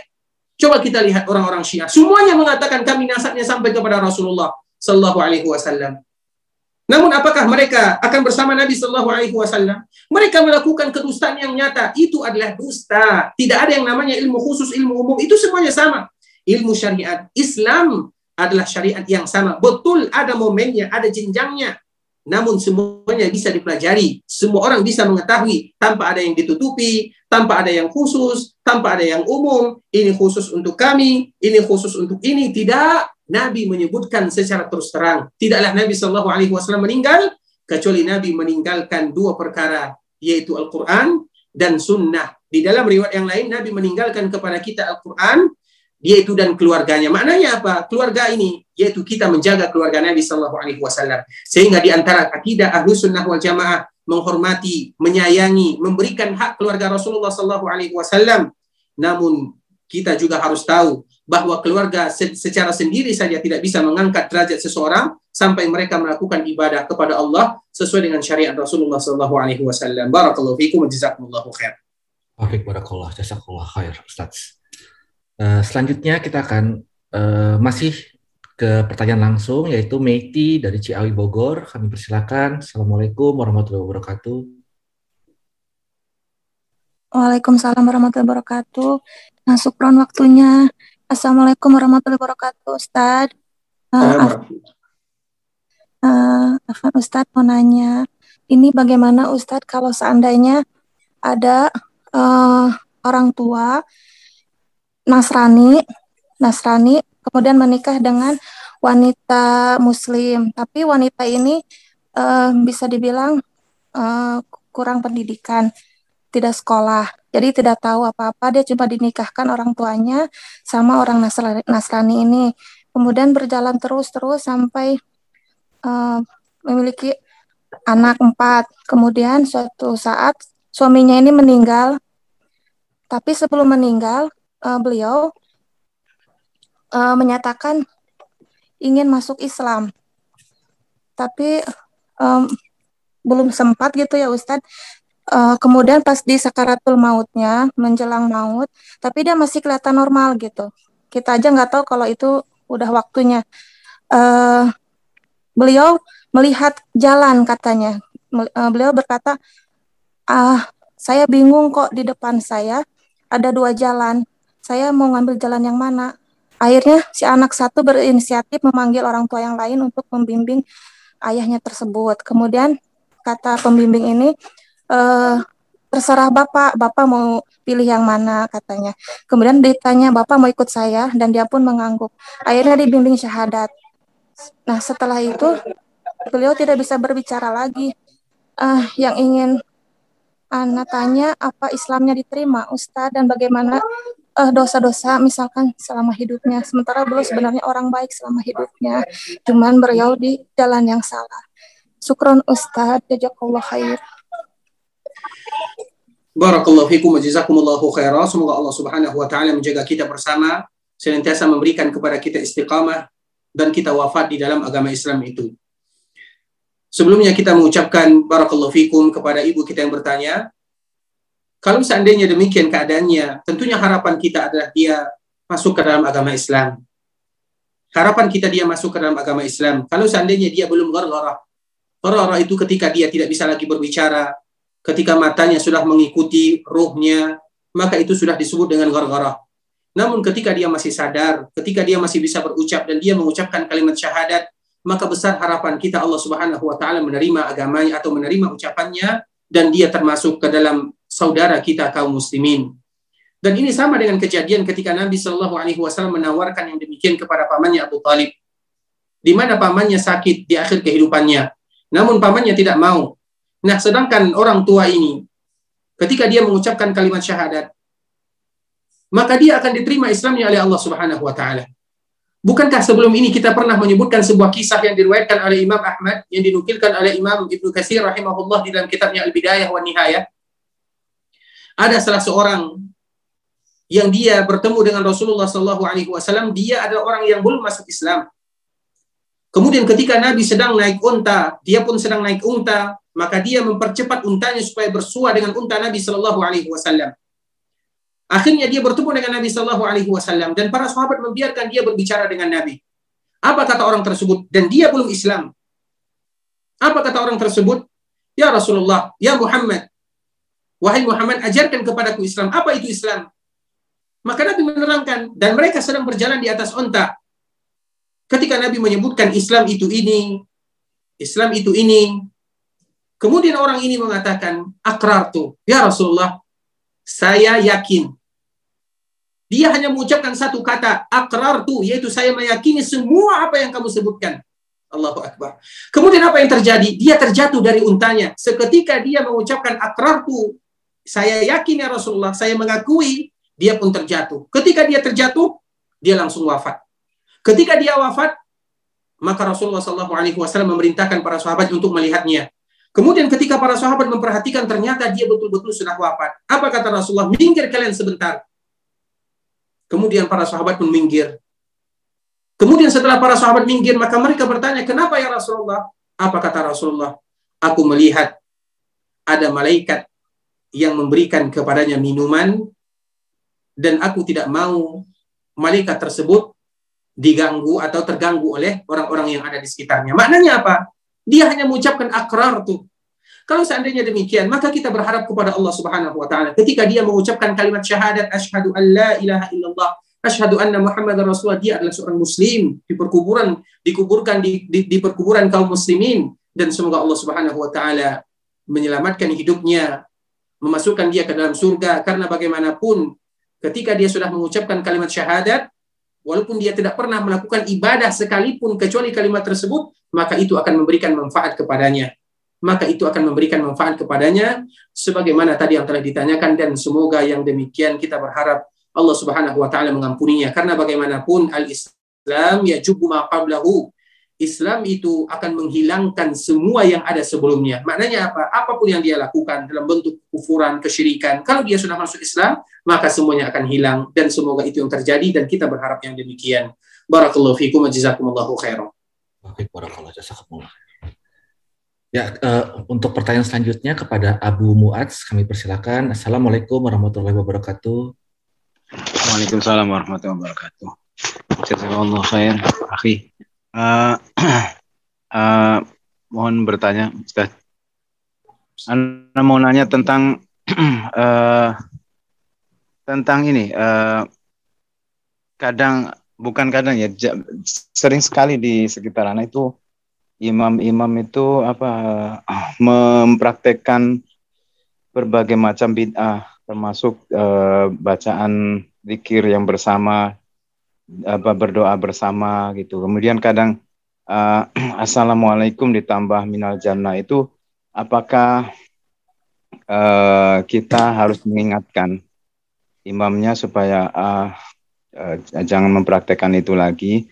Tetapi konsekuensinya uh, jika ditolak maka kita akan uh, merasa tidak nyaman untuk ikut berjamaah bersama beliau gitu. Itu solusinya bagaimana ya Ustaz? Uh, uh, demikian saja. Jazakallah khair. Assalamualaikum. Assalamualaikum warahmatullahi wabarakatuh. Barakallahu fikum kepada Abu Mu'ad. Semoga Allah Subhanahu wa taala menjaganya, melimpahkan rahmat, hidayah dan juga keberkahan kepadanya dan juga kepada keluarganya serta kepada kita kaum muslimin.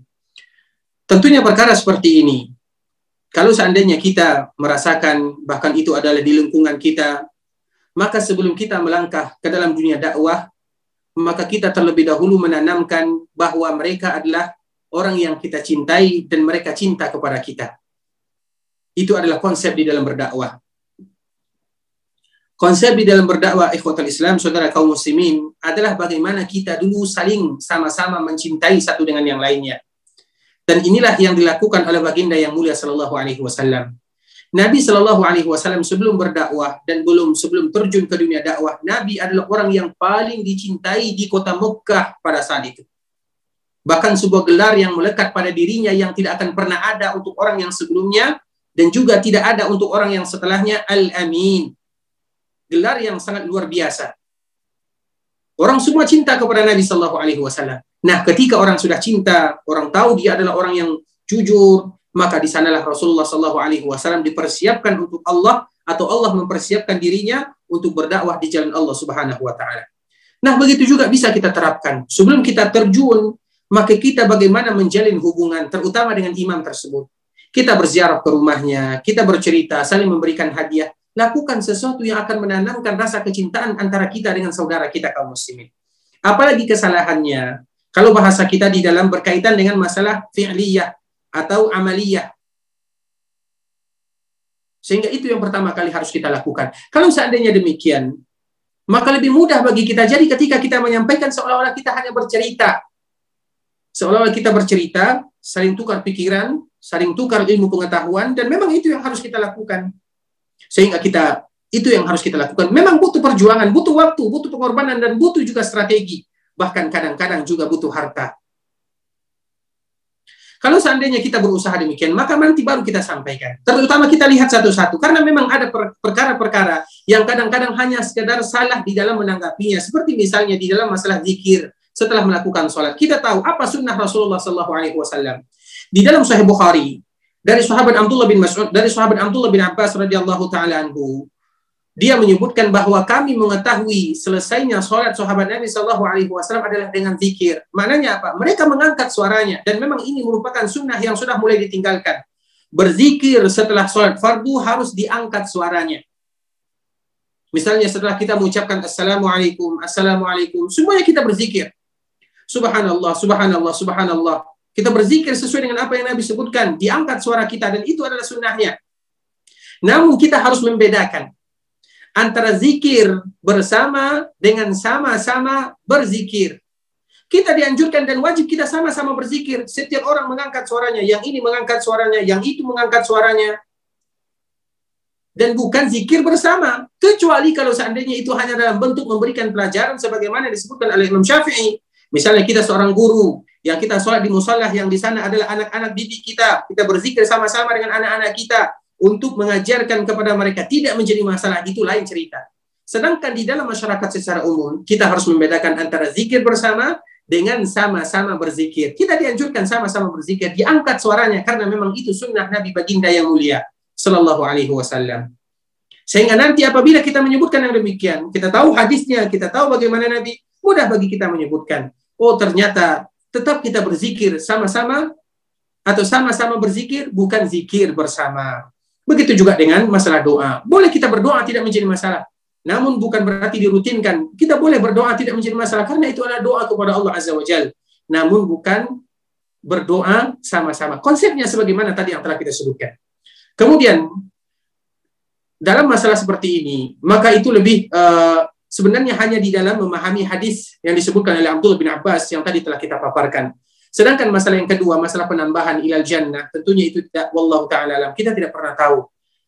Kita berikan kepada mereka konsep, bagaimana kalau seandainya di dalam azan, misalnya kita mengucapkan Allahu Akbar, Allahu Akbar, bagaimana kalau seandainya kita mengucapkan Allahu Ta'ala Akbar? Artinya betul, tidak ada yang salah di sana.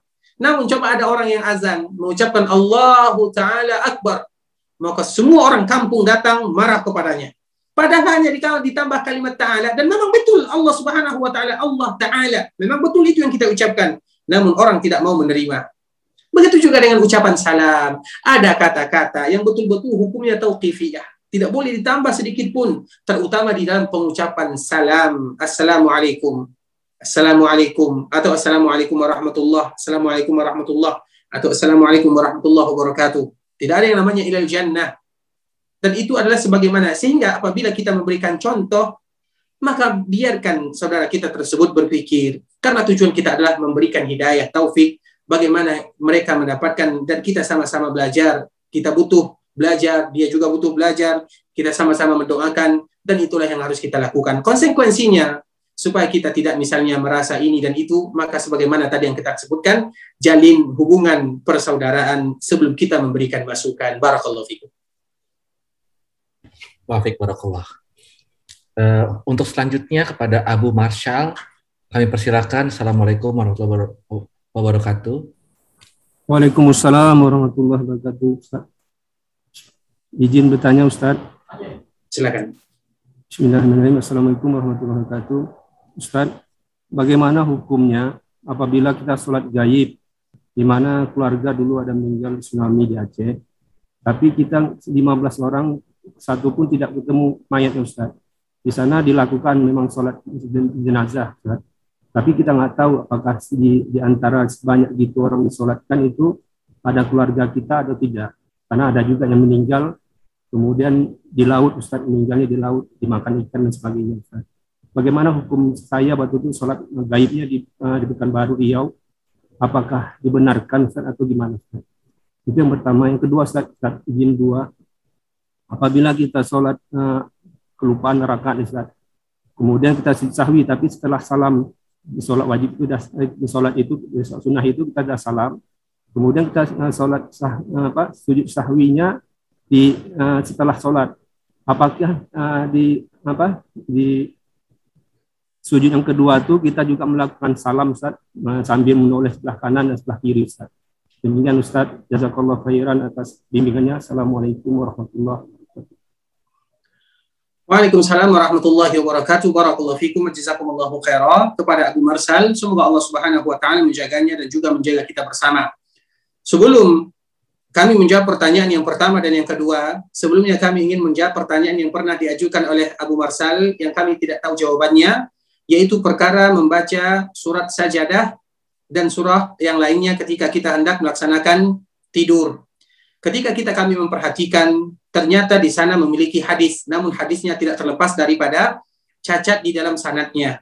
Hadis tersebut tidak terlepas daripada kecacatan yang ada di dalam sanatnya, sehingga kita kembalikan kepada hukum asal, tidak membaca, kecuali kalau niat kita hanya sekedar membaca secara umum saja sehingga kita boleh membaca ayat yang mana saja namun tidak mengkhususkan ayat-ayat tertentu. Untuk pertanyaan yang pertama yaitu berkaitan dengan sholat gaib yaitu di mana ada salah seorang keluarga yang mungkin mereka meninggal kita tidak tahu bagaimana mereka disolatkan apakah mereka sudah disolatkan maka tidak menjadi masalah.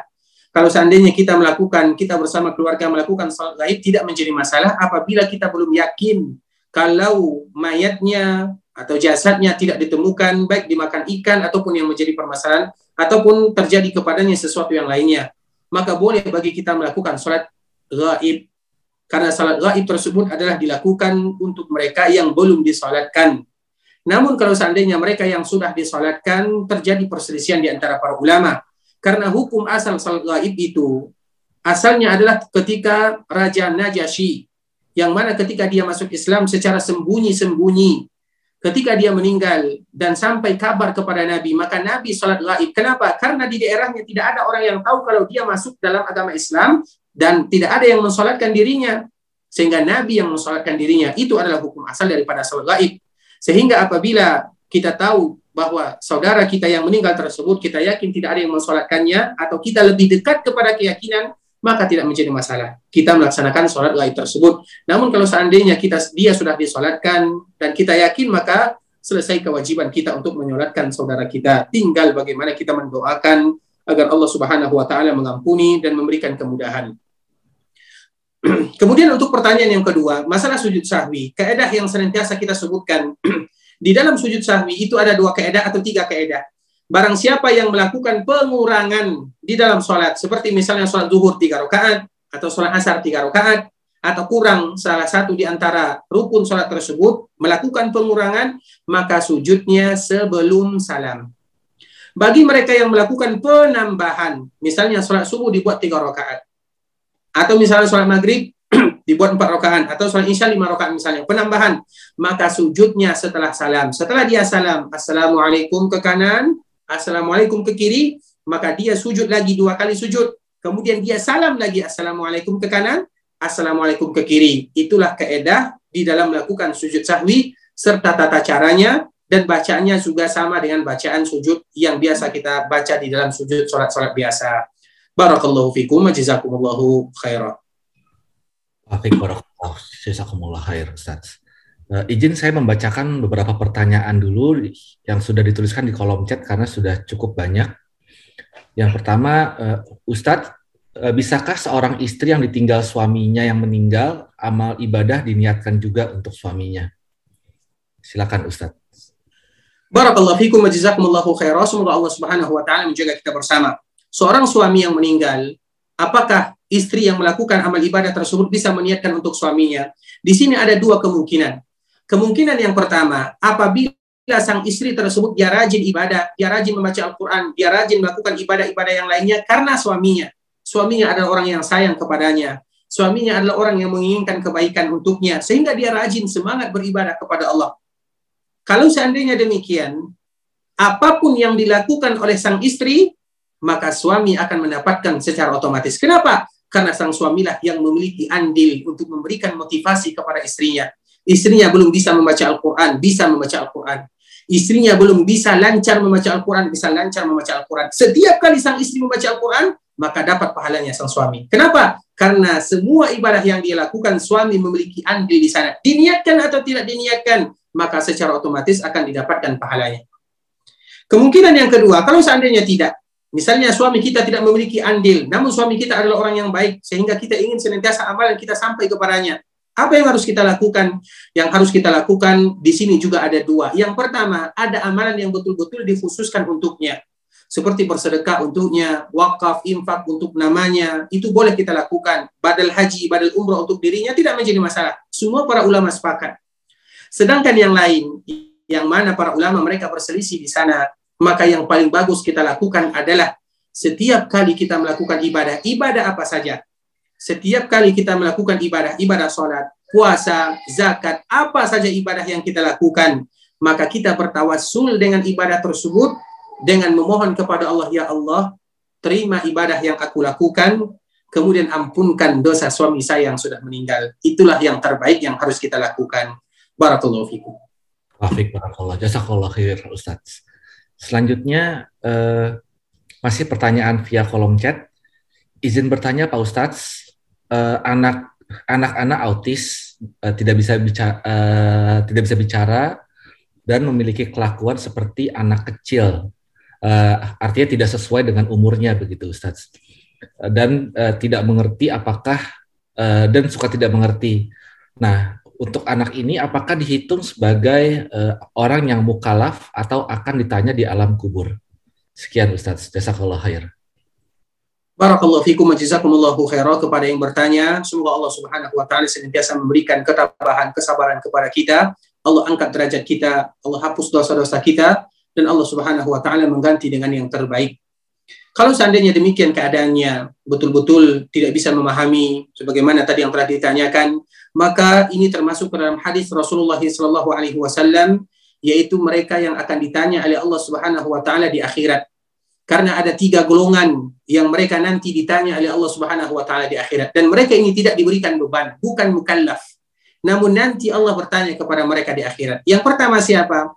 Yang pertama adalah ashabul fatrah, yaitu mereka yang tidak sampai nabi kepadanya atau mereka yang tidak tahu tentang risalah sedikit pun.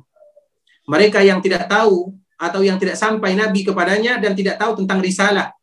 Kemudian yang kedua adalah mereka yang tidak mendengar atau tidak bisa berbicara. Sehingga mereka diberikan uzur oleh Allah Subhanahu wa taala.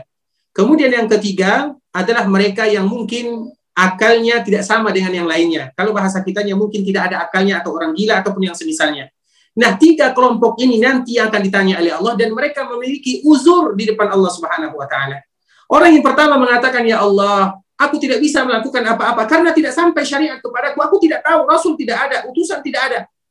Orang yang kedua mengatakan, "Ya Allah, sampai kepadaku syariat, namun aku tidak dengar, aku tidak bisa berbicara, aku tidak bisa berkata-kata." Orang yang ketiga mengatakan sampai syariat kepadaku, namun aku tidak bisa memahaminya. Semua mereka nanti diberikan uzur dan mereka meminta uzur kepada Allah di akhirat. Namun walaupun demikian, Allah nanti akan memberikan kepada mereka ujian. Sehingga ada namanya Ashabul A'raf. Ashabul A'raf itu adalah orang-orang yang mereka di dunia tidak diberikan beban, namun nanti di akhirat mereka akan diberikan ujian oleh Allah Subhanahu wa taala. Mereka yang lulus ujian langsung dimasukkan oleh Allah Subhanahu wa taala ke dalam surga. Mereka yang tidak maka itu dikembalikan kepada Allah Subhanahu wa taala. Insya'a ghafaralah wa insya'a azabah. Kalau seandainya Allah berkehendak Allah ampunkan. Dan kalau seandainya Allah berkehendak Allah berikan kepada mereka ujian. Barakallahu fikum wa jazakumullahu khairan. Wafik barakallah jazakallah khair Ustaz. Uh, selanjutnya kepada Umu Deina. Assalamualaikum warahmatullahi wabarakatuh. Ibu Umu Deina. Ya, Waalaikumsalam warahmatullahi wabarakatuh. Waalaikumsalam. Bismillah. Assalamualaikum Ustaz. Waalaikumsalam warahmatullahi wabarakatuh. Uh, Ana mau tanya Ustaz. Kan anak kan di lingkungan sini kan masih banyak orang awam. Nah, ketika uh, masalah perkara tahlilan Ustaz ya. Di lingkungan Ana nih kalau misalnya ada yang meninggal, mereka tuh suka mengadakan acara yang tadi tahlilan satu, dua, tiga sampai seterusnya. Nah, Ana nggak pernah ikut, tapi uh, biasanya kalau sore-sore itu sebelum mereka mulai acara itu Ana nih cuma ikut membantu, misalnya beres-beres, terus itu apakah itu termasuk ini, Tat? Ana apa? Ikut juga eh, apa? Menyetujui tahlilan itu atau gimana? Apa hukumnya Ustaz? Berdosa nggak? Maksudnya Ana tuh ikut menyiapkan makanan untuk yang mereka makan nanti siang apa nanti malam gitu. Apakah ini boleh Ustaz? Barakallahu fikum kepada ibu kita yang bertanya semoga Allah Subhanahu wa taala menjaganya dan memberikan kemudahan keberkahan kepadanya kepada keluarganya. Barakallahu fikum. Tentunya sebagaimana tadi yang telah kita sampaikan, apabila itu tidak disunnahkan oleh Rasulullah sallallahu alaihi wasallam, tidak dianjurkan oleh Nabi sallallahu alaihi wasallam, maka kita kembalikan kepada firman Allah Subhanahu wa taala, "Wa ta'awanu 'alal birri wat taqwa wa la ta'awanu 'alal itsmi wal 'udwan." Hendaklah kalian saling tolong menolong di dalam keimanan dan ketakwaan, jangan tolong menolong di dalam dosa dan kemaksiatan. Kemaksiatan itu banyak macamnya, dan di antara bentuk kemaksiatan itu adalah perbuatan yang tidak diajarkan Nabi. Itu juga adalah bagian daripada kemaksiatan. Apabila kita yakin itu adalah perbuatan yang tidak diajarkan Nabi, berarti itu adalah maksiat. Karena bid'ah itu adalah maksiat dan bid'ah itu adalah bagian daripada maksiat. Sehingga apabila demikian, maka kita tidak boleh menolong atau saling tolong menolong. Bukan berarti kita tidak memiliki cara yang lain. Seperti misalnya ketika ada orang yang misalnya kemalangan kalau bahasa kitanya yang meninggal karib kerabatnya, meninggal salah satu keluarganya, kita yang pertama kali harus berada di garis terdepan. Kita yang datang ke rumahnya, memberikan bantuan, semuanya kita usahakan, kita lakukan. Namun apabila lebih daripada tiga hari sebagaimana tadi yang kita nukilkan dari perkataan Imam An-Nawawi rahimahullah ta'ala, maka tentunya kita lebih memilih jalan yang aman. Bukan berarti kita tidak kasihan atau bukan berarti kita tidak bertetanggaan atau bukan berarti kita tidak bersosialisasi. Lakukan, kita senantiasa bermuamalah, datang ke rumahnya, berikan bantuan kepadanya, namun bukan di hari-hari tersebut. Namun bukan di hari-hari tersebut. Karena apabila di hari-hari tersebut, seolah-olah kita ikut dalam bagiannya. Dan kita bukan berarti memutuskan hubungan, tidak, kita harus bersosialisasi. Kita harus sesama muslim adalah seorang yang muslim, namun di sana juga ada ada batasannya. Selama itu adalah perbuatan yang tidak dilakukan Nabi, maka tentunya kita tidak saling tolong menolong di sana. Namun bukan berarti kita tidak tolong menolong dalam keadaan yang lainnya. Kita harus datang. Makanya yang harus kita lakukan adalah bagaimana kita melakukan kebaikan. Kita menolongnya di hari-hari yang lain. Karena kalau kita menolong di hari-hari yang mana acara tersebut dilakukan, berarti sama saja kita setuju. Dan itu adalah perbuatan yang sebagaimana tadi telah kita sebutkan. Dan semoga Allah. Dan karena memang ini adalah merupakan berat memang, berat memang namun kita harus melakukan. Kalau seandainya semua orang demikian, kapan amar ma'ruf nahi munkar? Kapan kita menjelaskan kepada saudara kita, kepada tetangga kita? Walaupun ada butuh atau butuh waktunya, kapan sunnah Nabi Shallallahu Alaihi Wasallam akan diperjelas dan kapan akan ditampilkan? Bukankah itu merupakan bagian daripada dakwah? Dakwah itu semuanya mencakup dakwah dengan lisan, dakwah dengan tulisan, dakwah dengan perbuatan, semuanya adalah bagian daripada dakwah. Berat memang, namun kita mencari solusi yang lainnya. Di hari-hari lain kita pilih di hari-hari lain kita datang, bawakan hadiah, kita berkorban, tenaga, waktu, harta. Dan semoga Allah Subhanahu wa taala menerima amal ibadah kita untuk berdakwah di jalan Allah Subhanahu wa taala. Barakallahu fiik. Baik, barakallah. Uh, selanjutnya saya izin membacakan beberapa pertanyaan dari kolom chat. Uh, izin bertanya Ustadz, apabila suami melakukan amal soleh, apakah istri juga mendapatkan pahala yang uh, sama? Ya, Barakallahu fikum Barakallahu fikum wa jazakumullahu khairan. Semoga Allah Subhanahu wa taala menjaga kita. Tentunya di sini juga harus kita lihat apabila sang suami melakukan amalan saleh dan itu adalah atas kerjasama suami dan istri. Dia sholat ke masjid, yang menserikakan bajunya adalah istrinya, yang merapikan pakaiannya adalah istrinya, yang menyiapkan peralatan, yang memberikan memasak makanan untuk suaminya adalah istrinya. Istrinya yang memiliki andil untuk membantu suaminya, maka sang istri akan mendapatkan bagian daripada pahala atau amalan yang dilakukan oleh suami tersebut. Dan suami mana yang bisa melakukan sesuatu pekerjaan tanpa dibantu oleh istrinya? Memang sang istri secara lahir mereka tidak bisa melakukan atau tidak banyak melakukan amal. Namun mereka yang membantu suaminya melakukan amalan tersebut. Kita lihat, ketika suami bekerja di luar, mencari nafkah, siapa yang mempersiapkan makanan? Siapa yang mempersiapkan pakaian? Semuanya adalah istrinya. Bukankah mencari nafkah ketika seseorang berniat, seorang laki-laki berniat mencari nafkah, itu adalah sama dengan jihad? Ketika dia berjihad, namun kita lihat siapa yang membantu dia untuk melakukan perbuatan tersebut. Sang istri, Begitu juga ketika dia sholat. Sang istri membangunkan, sang istri mengingatkan, sang istri memberikan motivasi, semuanya akan mendapatkan pahala. Kalau seandainya demikian, dan jarang rumah tangga yang tidak demikian. Tentunya rumah tangga, sang istri membantu suami, sang suami melakukan ibadah, maka istrinya secara otomatis akan mendapatkan pahala karena dia yang telah membantu dan memberikan motivasi suaminya. Dan semoga Allah Subhanahu wa taala menjadikan rumah tangga kita surga sebelum kita mendapatkan surga yang sebenarnya. Barakallahu fikum. Wafik barakallah. Uh, selanjutnya, pertanyaan selanjutnya adalah mohon izin bertanya apakah sama atau berbeda arti tentang alam kubur dan alam barzah? Apakah jiwa dan roh itu sama pengertiannya? Apa yang dimaksud fitnah kubur? Mohon pencerahannya Ustaz. Jazakallah khair. Barakallahu fikum wa jazakumullahu khairan. Semoga Allah Subhanahu wa taala menjaga kita bersama. Di sini terdapat tiga pertanyaan, minimal ada tiga pertanyaan. Yang pertama, apakah sama antara alam kubur dengan alam barzah? Tentunya alam kubur dengan alam barzah itu sama. Kubur disebut dengan alam kubur karena kita dikuburkan. Barzah disebut dengan alam barzah karena kita sudah selesai dari dunia yang fana ini. Sehingga disebut dengan alam barzah dan mereka itu sama. Kemudian bagaimana pula dengan ruh dan jasad? Di sini sudah dibahas oleh para ulama. Di dalam dunia yang menjadi standarisasi untuk kita adalah jasad kita dan ruh ikut kepada jasad tersebut. Di alam perkuburan atau di alam barzah, maka yang menjadi standarisasi yang pertama adalah ruh dan jasad ikut kepada ruh tersebut. Sedangkan di akhirat, maka kedua-duanya antara jasad dengan ruh. Apabila demikian, maka bisa kita memberikan jawaban. Karena di dunia yang menjadi standar pertama adalah jasad dan ruh ikut bersamanya. Kalau di alam barzah, ruh yang pertama, jasad ikut kepadanya. Karena ada orang yang meninggal namun mereka tidak memiliki jasad. Sehingga ruh yang pertama kemudian jasadnya ikut kepadanya.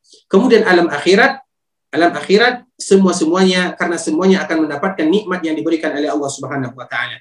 Kemudian untuk pertanyaan yang ketiga, apa yang dimaksud dengan fitnah kubur? Fitnah kubur itu adalah yang pertama kali adalah ujian kubur itu sendiri. Dan di antara ujian yang pertama adalah sebagaimana disebutkan oleh Imam Al-Muzani, yaitu himpitan kubur itu sendiri dan pertanyaan malaikat kepada kita. Karena tidak semua orang yang bisa menjawab pertanyaan tersebut. Dan itu semuanya adalah fitnah, yaitu ujian. Fitnah itu bisa disebut dengan ujian. Ada orang yang lulus, ada yang tidak, sehingga kita bermohon kepada Allah agar kita termasuk orang yang lulus di dalam ujian tersebut. Barakallahu fikum. Afik barakallah. Jazakallah khair Ustaz. Selanjutnya, uh, Izin bertanya Ustadz, amalan apa saja yang dapat menghindari dari siksa kubur? Jazakallah khair. Barakallahu fikum wa jazakumullahu khairan. Semoga Allah Subhanahu wa taala menjaga kita bersama. Memang ini adalah pembahasan yang penting sebenarnya yang kami lupa untuk menyampaikan yaitu sesuatu yang bisa menghindarkan kita dari azab kubur. Sesuatu yang bisa kita lakukan agar kita terhindar dari azab kubur. Yang pertama adalah ibadah salat.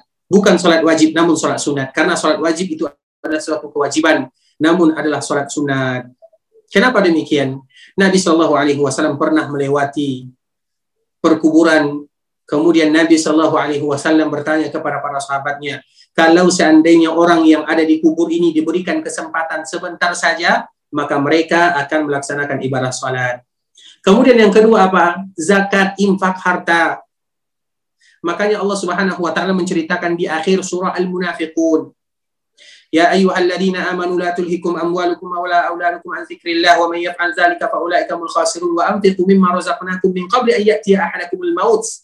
Hendaklah kalian berinfak intinya karena apabila seseorang hampir meninggal maka yang paling mereka cita-citakan adalah infak. Makanya ketika kita masih bisa diberikan nafas oleh Allah Subhanahu wa taala maka kita berinfak di jalan Allah Subhanahu wa taala karena itulah yang akan bisa menyelamatkan kita di perkuburan kelak. Dan ini juga disebutkan oleh Allah Subhanahu wa taala dalam surat Al-Qiyamah. Fala saddaqa wala shalla. Mereka tidak zakat, mereka tidak salat sehingga mereka diberikan hukuman oleh Allah Subhanahu wa taala. Begitu juga dengan betul-betul bersuci. Karena di antara salah satu yang bisa menyebabkan orang diazab di perkuburan adalah dengan salah di dalam bersuci atau tidak betul-betul bersuci.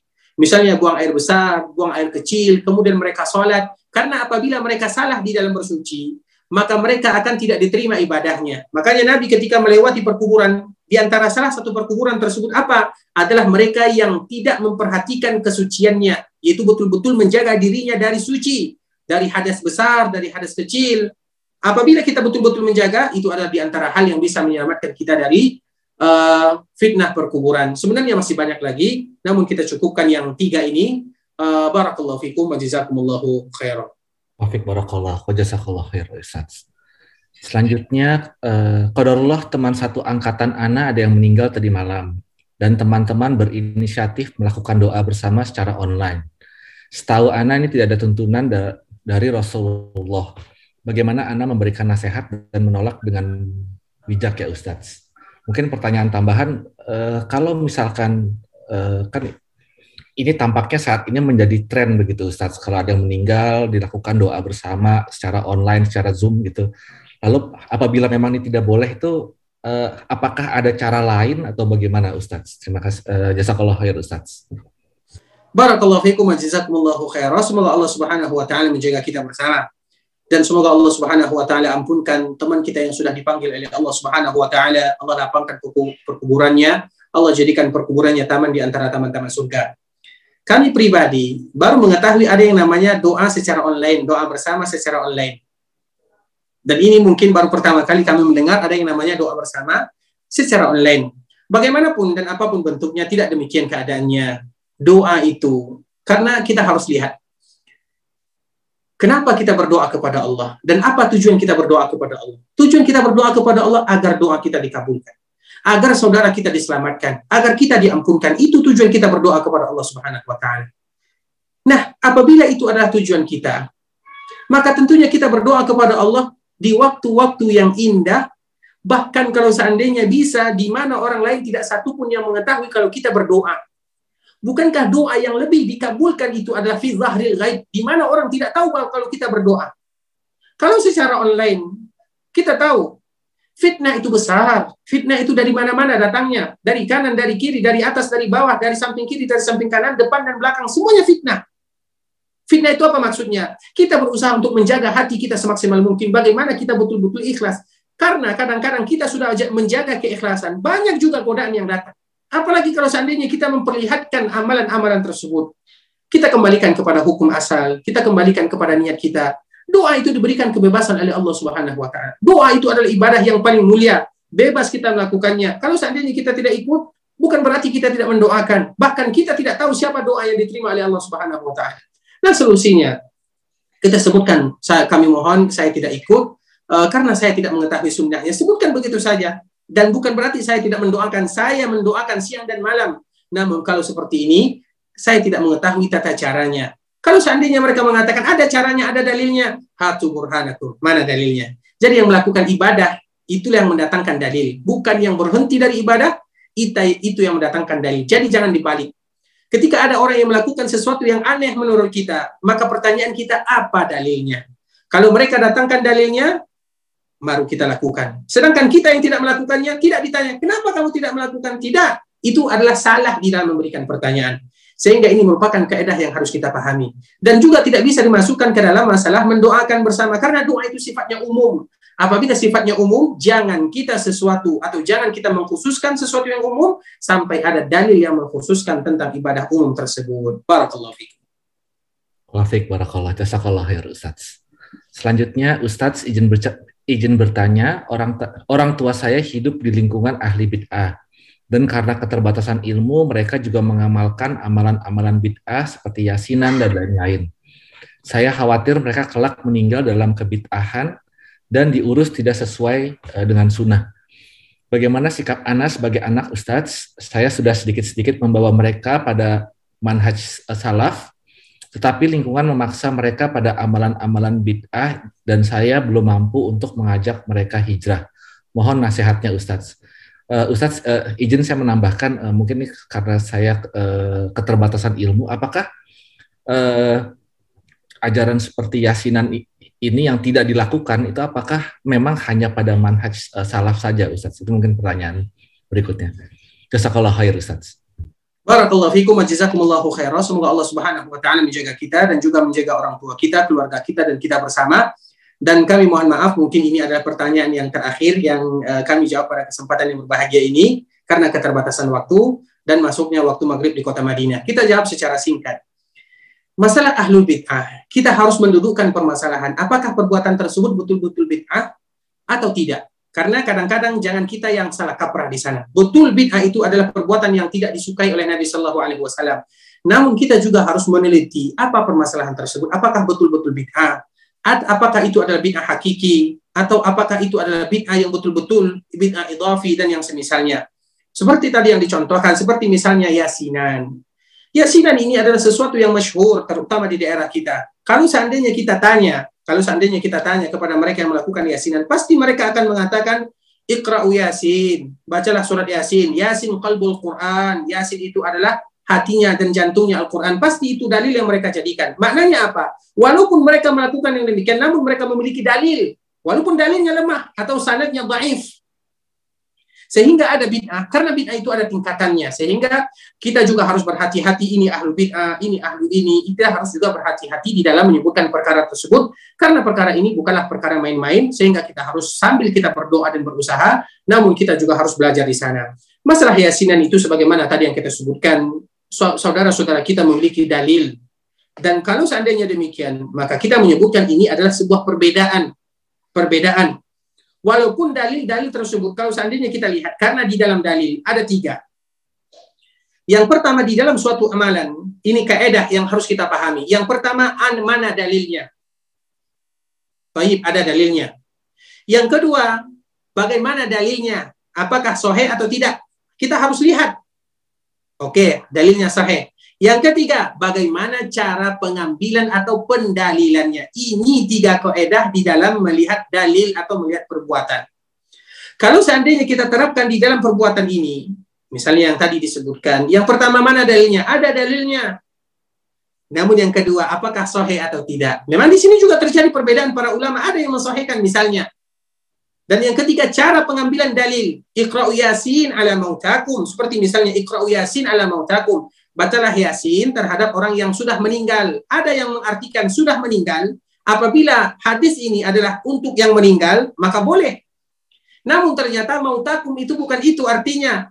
Mautakum itu artinya adalah bacakan yasin kepada mereka yang sudah terakhir atau di detik-detik terakhir kehidupannya. Sehingga disebut dengan mautakum orang yang ingin meninggal atau orang yang akan meninggal sesuai dengan tanda-tandanya. Kenapa? Supaya memudahkan mereka ketika mendengarkan ayat-ayat Allah Subhanahu wa taala. Jadi kalau seandainya demikian keadaannya, maka uh, di sini ada tingkatan masalah masalah hukum daripada perbuatan bid'ah tersebut. Namun bagaimanapun kita kembalikan kepada pertanyaan yang menyebutkan kalau seandainya keluarga kita atau orang tua kita misalnya ada di lingkungan yang kita khawatir dengannya, maka kita harus berjuang dengan segala daya upaya yang kita miliki. Kita belikan rumah untuk orang tua kita, kita cari tempat tinggal yang di sana lebih menerapkan atau mereka berhati-hati di dalam menerapkan agama, lebih dekat kepada sunnah Nabi Shallallahu Alaihi Wasallam. Baik itu kita beli rumahnya atau kita sewakan rumahnya, lakukan yang terbaik apa yang kita bisa. Kalau seandainya tidak bisa, maka kita lakukan kewajiban kita sebagai seorang anak berbakti kepada orang tua kita, lakukan yang terbaik, berbakti semaksimal mungkin bahkan kita harus baktinya lebih plus lagi di biasa daripada biasa yang yang kita lakukan. Uh, Bapak Ibu rahimani wa rahimakumullah, ini mungkin jawaban singkat saja karena waktu kita betul-betul uh, karena sekarang musim dingin, jadi musim dingin itu biasanya siangnya lebih singkat. Jadi antara waktu sholat dengan sholat yang lainnya itu adalah agak sedikit uh, merapat. sehingga waktu kita tidak terlalu panjang dan semoga Allah Subhanahu wa taala menjaga kita, menerima amal ibadah kita. Allah Subhanahu wa taala mengumpulkan kita bersama di dalam surganya. Barakallahu fikum wa jazakumullahu khair.